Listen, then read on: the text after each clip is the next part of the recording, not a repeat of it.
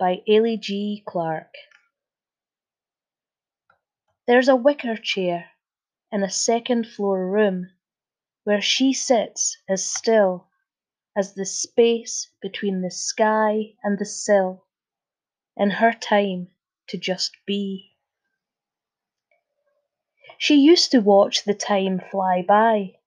Now it ebbs and flows as her willow tree grows in the frame of a big bay window in her time to just be. Then, one day in spring, in her time to just be, she saw wind tangle knots in her flat sheets and socks, and her fingers, twisted and curled, looked like branches of willow. When summer came, with sun licked leaves and barbecue tastes on the tail of a breeze, she lingered still, calm and at ease in her time to just be. Then summer expired in a long exhale, and from twisted fingers a leaf fell. Then autumn arrived, armed with a brush, painting the land with fire and blush.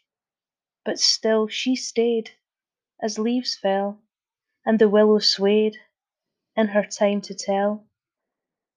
Now, let me tell that the land lay still, with snow thick on her window sill, the wicker chair an empty place, the willow tree an empty space. A fallen branch lay on the ground, the snow fell without a sound.